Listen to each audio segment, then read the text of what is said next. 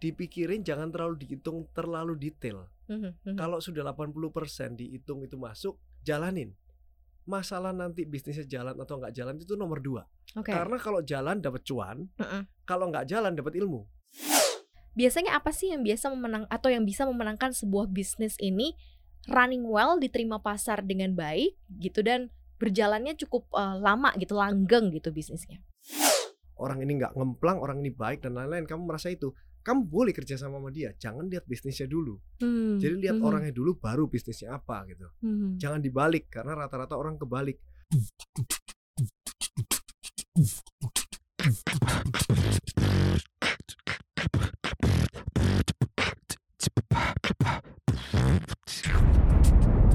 Cuap-cuap cuan. Hai Sobat Cuan, apa kabar? Selamat datang di podcast Cuap Cuap Cuan. Semoga Sobat Cuan selalu happy, selalu bahagia, gembira Dan yang pasti ujung-ujungnya cuan ya. Kalau happy, terus cuan, ya kan kantong tebal. Apa yang mau, yang Anda mau pasti bisa gitu ya.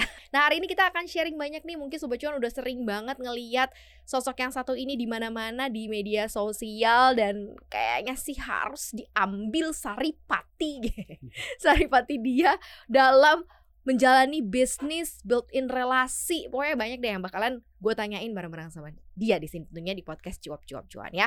Sudah hadir ada Andrew Susanto di sini. Halo. Hai, Ya. entrepreneur ya. Lo pengennya dikenal ya as an entrepreneur ya. Bebas. Bebas ya. Paling enak catchy tuh pengennya orang notice Andrew nih as apa sih? Es apa ya? Em, Visioner mungkin as atau seseorang yang eh, bukan hanya entrepreneur tapi super entrepreneur gitu ya. orang yang bekerja keras gitu. Bekerja keras. Wow, it's a good. Ya boleh sapa dulu sobat sobat cuan. Halo sobat cuan. Jadi sapaan kita nih sobat Sobat cuan, ya. teman-teman generasi milenial Gen Z yang mungkin di tengah-tengah in the middle kegalauan hidupnya gitu, yang bingung mau ngapain ya gue mau ngapain. Tapi by the way lo pernah gak sih mengalami kegalauan, kegambangan dalam kehidupan yang lo jalanin? Galau pasti pernah.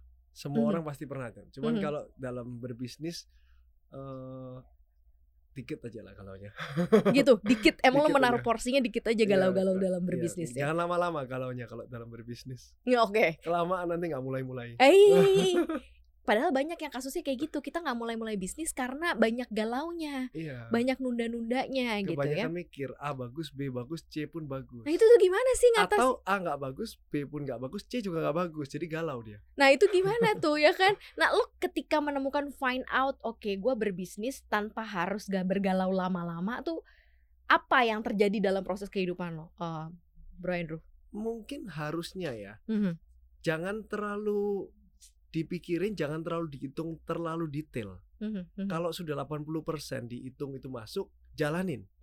Masalah nanti bisnisnya jalan atau nggak jalan itu nomor dua. Oke. Karena kalau jalan dapat cuan, Heeh. kalau nggak jalan dapat ilmu. Hmm, Kalau Hmm. nggak mulai nggak dapat apa-apa. Gitu loh. Setuju sih gue.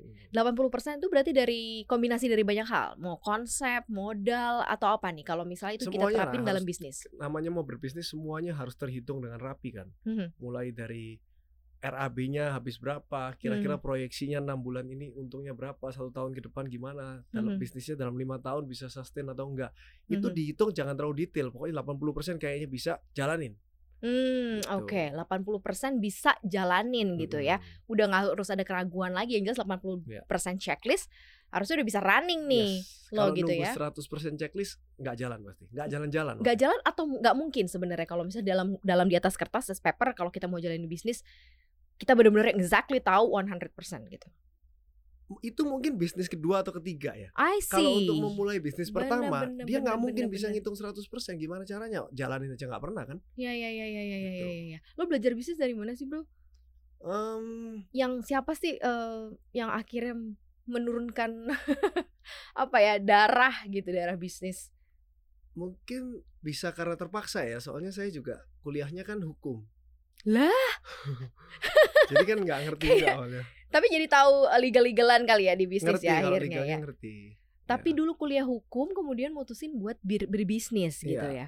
apa yang menyebabkan itu dan apa yang mendorong itu awalnya kan kuliah hukum itu kan mikirnya keren kan kalau lihat di film-film itu kan hmm. jadi pengacaranya kan keren gitu. mm, mm, mm, mm, mm. Terus setelah kuliah terus kita lihat kan muka gini kan kayaknya kurang cocok jadi wawancara. jadi ya udah memutuskan untuk berbisnis aja. Tapi cocok kok beneran kalau lo bener-bener bisa jadi jadi lawyer mah cocok-cocok Oh, aja cocok gitu. ya? Apa saya pindah lagi ke lawyer?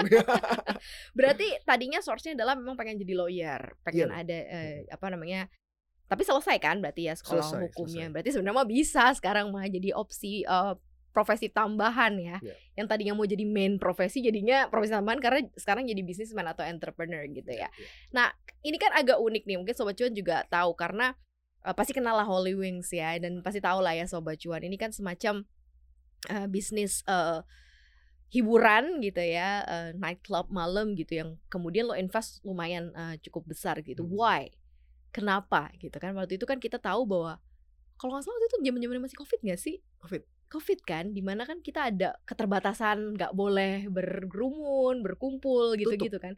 Wings tutup waktu itu. I see. Nah, 6 bulan tutup. gimana tuh lo ngeliatnya tadinya lo terjun ke bisnis ini kemudian covid kan sempat selesai mungkin sekarang ya kalau sekarang udah mulai bisa dibuka lagi orang juga udah mulai banyak yang hangout malam tuh gimana tuh lo ngeliatnya dan apa sih yang lo pikirin ketika kemudian lo memang mau uh, tap in di bisnis yang aba berbau-bau uh, klub malam gitu Masuk di saat orang lain takut.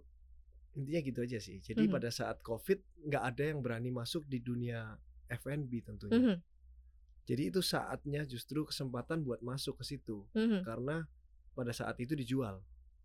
Kalau Ah, nunggu COVID-nya ah. selesai baru mau masuk ya nggak dijual atau kalaupun jual overprice. Ih benar sih Jadi masuknya pada saat waktu-waktu yang tepat itu ya gitu. Saat Mhm. orang lain takut kita masuk gitu. Jadi pada waktu itu berarti di uh, lo investnya ketika waktu masa covid berarti ketika lagi tutup Tutup, sebenarnya lagi tutup. apa yang membuat akhirnya lo ya karena kan karena orang-orang pada takut nih Mm-mm.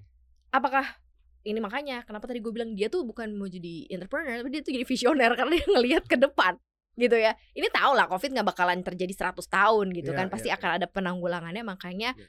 gue invest Iya, gitu di iya. situ karena gue tahu gue akan dapet cuan nih ujung-ujungnya gini tapi kan lo juga sudah mengukur ya, misalnya gue sekarang nih eh, invest berapa bulan lagi nanti bisa running bisnisnya nah itu loh perhitungan-perhitungan kayak gitu loh Ndru yang mungkin nggak dipunyain atau sense bahwa ini akan getting over makanya bisnis gue akan running well nih ini Hmm. ini gimana caranya lo men-screen out itu Itu part of negotiation sih. Jadi Mhm. cara pembayarannya pun bertahap.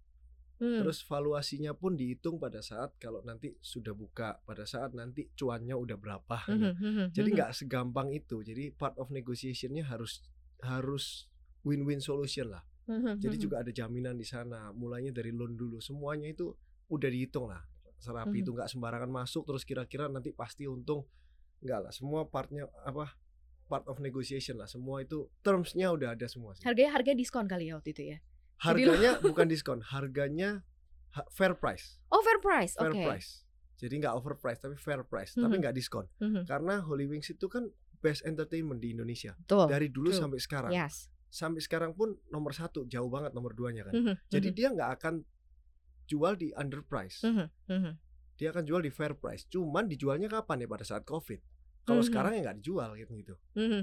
Kalau sekarang lo ngeliatnya gimana bisnis ini berjalan? Apakah kemudian ya memang sesuai dengan ekspektasi lo ketika kemudian lo mau uh, tap in di bisnis ini, uh, runningnya sesuai gitu ya, bahwa hype itu akan kembali dan sudah ya sudah uh, berlipat-lipat ganda atau seperti apa kalau view dari bisnisnya sendiri? Ya ya, sudahlah sesuai sesuai dengan ekspektasinya juga malah lebih malah ya. Ya Mhm. bisa dibilang sesuai lah, sesuai dengan perkiraan. Hmm, sesuai dengan perkiraan Hmm. bahkan ya ada plus-plusnya Hmm, kali ya gitu ya. Berarti sekarang is going well gitu ya Ya. untuk bisnis ini. Nah, uh, apa sih tantangannya kalau sekarang nih di bisnis uh, klub malam gitu ya atau F&B uh, yang lo uh, alamin gitu ya saat ini? Ada nggak sih tantangan atau pressure tersendiri? Kalau sekarang kan kita lagi go internasional, kita udah ke Bangkok sama ke Malay kan, Mhm. udah mau ke Man- Manila sama ke Vietnam juga. Jadi tantangannya sekarang untuk mempelajari legal di sana, teksnya di sana, cara bangunnya, IMB-nya itu Mhm. bener-bener something new buat kita ya. Mhm, Di sana itu habitnya orang itu gimana klub malamnya gitu. Mhm. Kita baru mulai belajar. Karena kalau di Indonesia kita agak slow down, kita tahun depan udah mau mulai masuk di F&B yang ada ramen kita mau Mhm. buka eh, rencananya kepengennya sampai 1000 outlet di Indonesia. Jadi kita Wuh. mulai gitu, mulai ke family lah ya family Oh penetrasinya lebih ke sana jadi ke resto uh, F&B yang Ya, uh, mau berbau bikin coffee shop coffee shop. Hmm. Wow, seribu outlet. Wow. Hmm. Itu planning yang gede banget loh. Maksudnya sebuah uh, view perekonomian yang bagus banget sebenarnya kalau dilihat dalam lingkup nasional ya. Ya, Ketika eh, ada tapi sebuah kan in bisnis- five years ya Mhm, mulainya tahun mhm, depan tapi in mhm. five years itu targetnya seribu outlet Hmm, keren sih. Tapi Holy Wings ini memang mau expand nih keluar uh, negeri udah, berarti udah, ya. udah mulai Dan di sana seperti apa responnya? Ah, agak susah sih makanya itu yang tadi saya bilang mem- mulai mempelajarin kan di sana Mhm. kan gede lah marketnya gede Tapi ya- yang yang membuat kemudian lo yakin membawa ini keluar adalah karena market yang besar itu yang Iya, ditawarkan itu ya. marketnya lebih besar dari Indonesia gitu kita coba Mhm. membawa nama Indonesia ke sana gitu.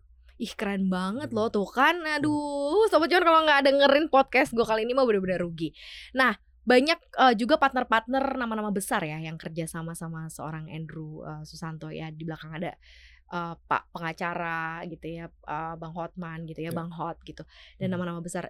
Seperti apa sih eh, pengalamannya gitu Ketemu dan berpartner mungkin ya dengan nama-nama besar ini nih Hmm, seru lah ya saya belajar banyak dari Bang Hotman juga Mhm. Bar- belajar banyak dari segi hukum sih karena Mhm. saya kan ikut di Hotman 911 juga Hmm oke Hmm. oke saya kan hukum kan jadi kebetulan Mhm, saya mhm. ikut Pas itu saya gitu lihat- ya saya bisa lihat dari dekat gitu loh Mhm. bagaimana pengacara kondang Indonesia ini menyelesaikan masalah, bagaimana cara menjawabnya, Mhm. bagaimana cara memuaskan dengan jawaban itu pakai kalimat apa gitu. Semuanya bisa dipelajari di sana, menarik jadi. Mhm. Terus dia kan juga orangnya seru kan, happy Mhm. kan. Energinya juga banyak. Malah kalah kita-kita ini energi sama dia. Padahal dia udah usianya juga Hmm. udah bisa masuk ke usia lanjut dalam tanda kutip ya, tapi kayak nggak kelihatan deh kalau Bang Nggak ya. kelihatan ya.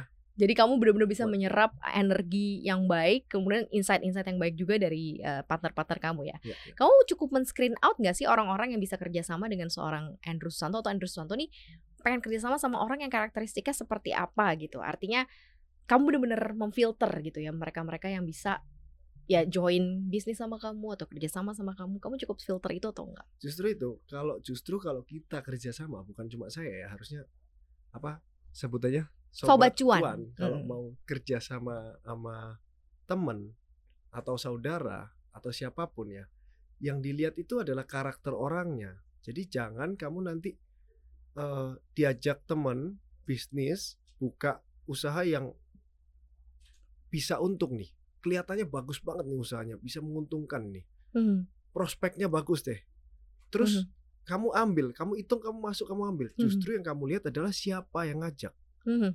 Saudaramu atau temenmu itu karakternya bagaimana? Kamu cocok nggak sama dia? Karakter dia itu eh, baik nggak? Atau dia ngemplang uang temennya dia sendiri nggak? Oke. Terus kamu bilang, iya itu kan ngemplangnya orang lain. Kalau sama Bukan saya gue gitu deh, ya. Kayak Mhm, gitu. Kamu lihat tuh karakternya. Kalau karakternya bagus, terus dia visinya bagus, kamu lihat orangnya ya. Orang ini bisa sukses deh. 5 tahun atau 10 tahun lagi atau 20 tahun lagi, saya yakin dia pasti sukses. Walaupun bisnis ini nggak jalan, bisnis berikutnya dia pasti jalan karena orang ini ulet, orang ini nggak ngemplang, orang ini baik dan lain-lain. Kamu merasa itu. Kamu boleh kerja sama sama dia, jangan lihat bisnisnya dulu. Hmm. Jadi lihat Mhm. orangnya dulu baru bisnisnya apa gitu Mhm. jangan dibalik karena rata-rata orang kebalik dikasih tahu eh, ini ada bisnis ini untungnya segini break even pointnya segini return of, in- of investmentnya segini wah enak banget ya cepet ya masuk deh sedangkan nggak tahu siapa yang jalanin gitu Hmm. justru yang jalanin itu lebih penting daripada jenis usahanya Tapi bener sih kata Ko Andrew, orang rata-rata lihat bisnisnya dulu sih, jarang Iya. men-screening personnya, Iya. who's the person behind karena kayak yang penting kan cuan gitu Hmm. kan.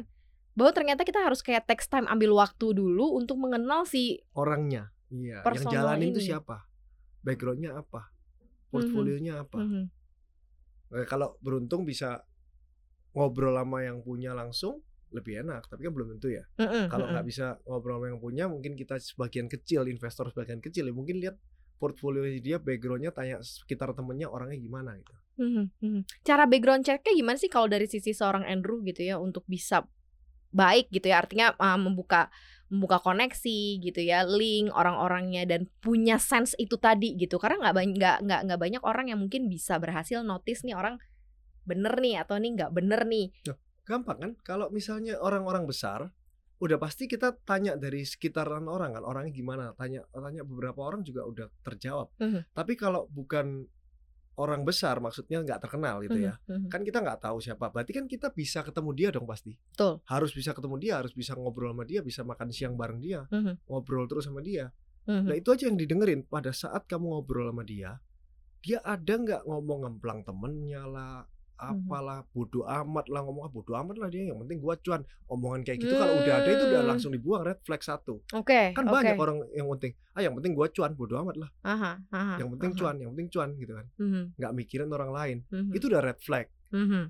jadi dari ngobrol itu Itu dari celetukan-celetukan aja udah kebaca gitu, udah kerasa pasti gitu ya. berarti kan dia berarti kan dia aimnya itu cuma cuan doang Betul. kalau aimnya cuan doang nggak akan bisa besar Hahaha. Iya kan?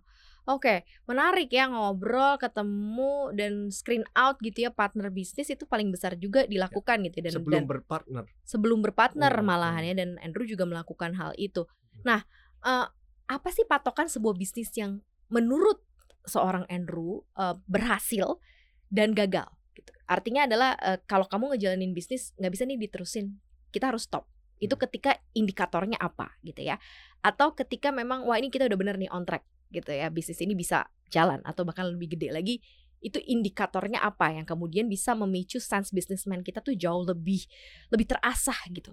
yang paling gampang sih harus cuan Cuan itu pasti bisnisnya harus cuan indikator kalau itu bagus dan berhasil ya. Iya, kalau nggak cuan itu berarti kan kita berdarah-darah itu mau sampai kapan? Mhm, Mau sampai tiga bulan, enam bulan ditunggu.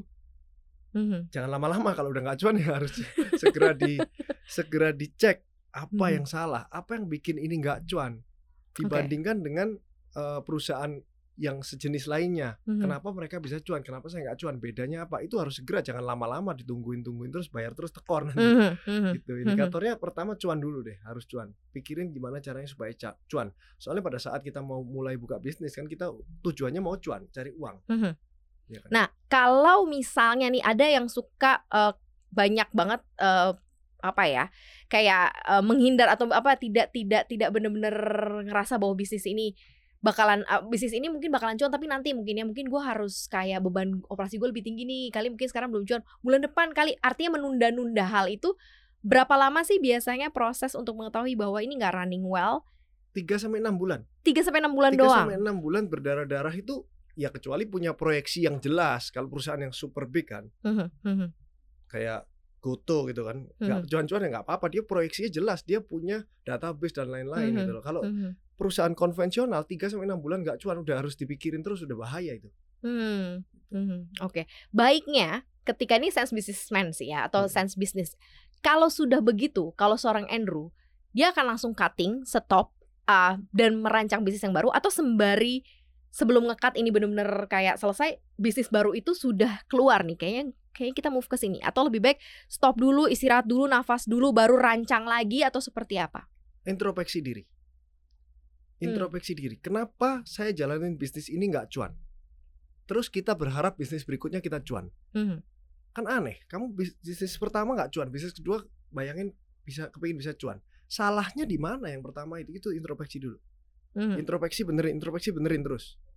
Oke. Harus tahu kenapa ini nggak cuan. Setelah kamu tahu kenapa ini nggak cuan, baru boleh bisnis kedua. Kalau kamu nggak tahu kenapa sepi, ya Mhm, jangan buka bisnis kedua.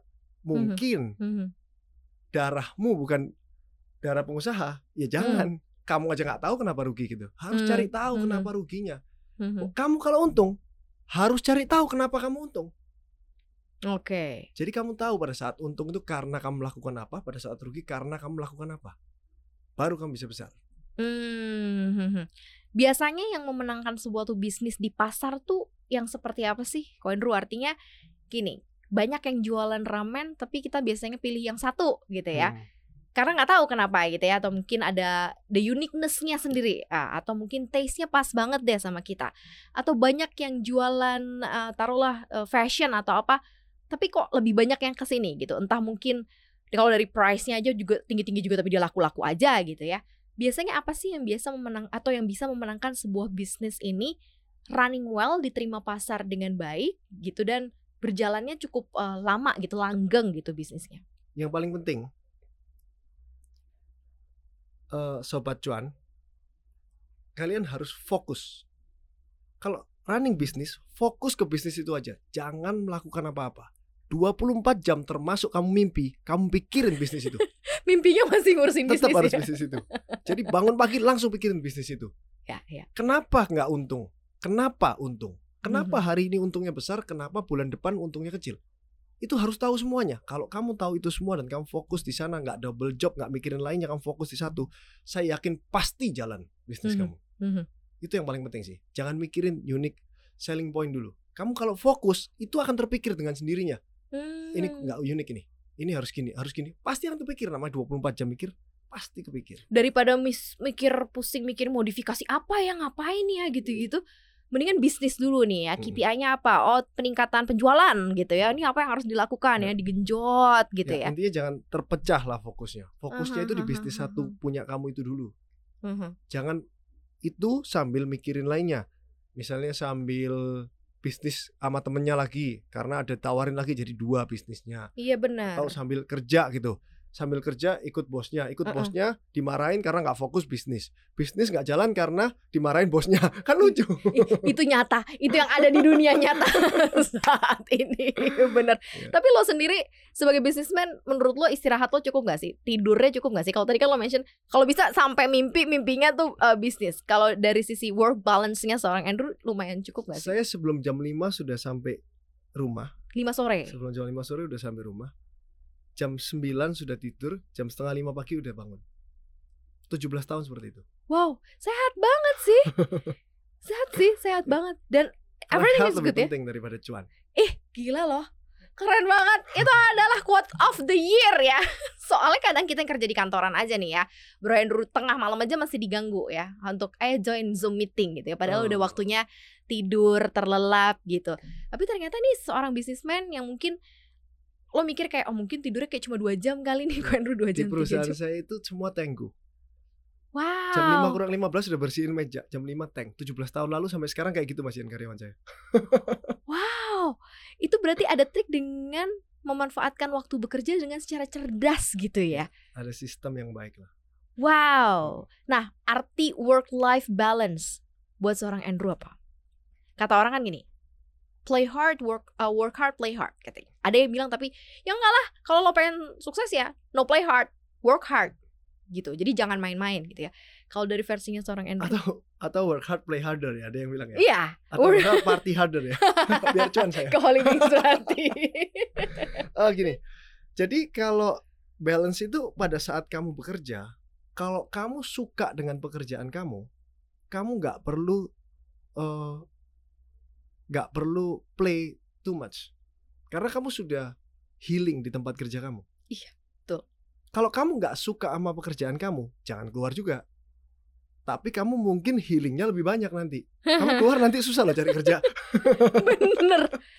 Bener bener bener Jadi bener, gitu bener, tergantung bener, setiap bener. orang beda. Ada yang menikmati, ada yang nggak menikmati. Kalau menikmati ya udah jangan terlalu banyak jalan-jalan. Uangnya dihemat aja buat investasi. Kalau kamu nggak menikmati pekerjaan kamu, uangnya dipakai buat healing, Healing. supaya kamu nggak stres di tempat kerja gitu. Kira-kira iya. gitu lah. Ini keren banget loh. balance. Karena banyak banget orang yang ngerasa bahwa nggak cocok di tempat kerjanya, mereka cabut gitu dengan Hmm. harapan mereka dapat sesuatu yang lebih Itu sorry aku potong. Apa tuh? Saya potong. Itu kan orang keluar dari zona nyaman ya. yes. Orang itu kan disuruh keluar dari zona nyaman. kan? Benar. Sering kan dengar keluar dari Betul. zona nyaman. Terus orang yang nggak cocok dengan kerjaannya karena stres. Mm-mm. dia keluar dari zona nyaman itu kan zona nggak nyaman tapi dia maunya ke zona nyaman malah Mhm. dari zona nggak nyaman pindah ke zona nyaman dia mau nyari itu kan Mm-mm.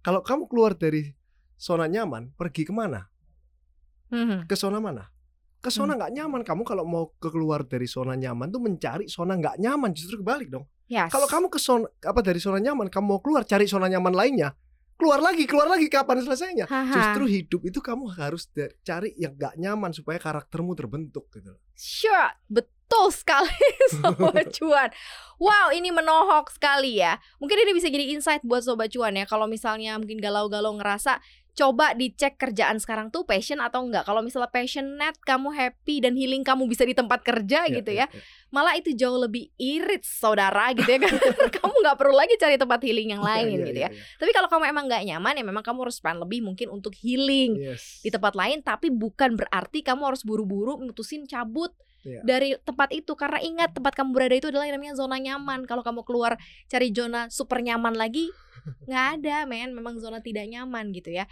Wah ini benar-benar petuah gitu ya. Mungkin setelah bisa melewati kegalauannya itu sobat cuan bisa jadi pengusaha kayak Andrew. Ya thank you banget Andrew udah join you, ngobrol. aku seneng banget loh ngobrol karena kita kayak benar-benar on tidak pakai skrip kita nggak tahu nih kita ngobrolnya ngalir banget.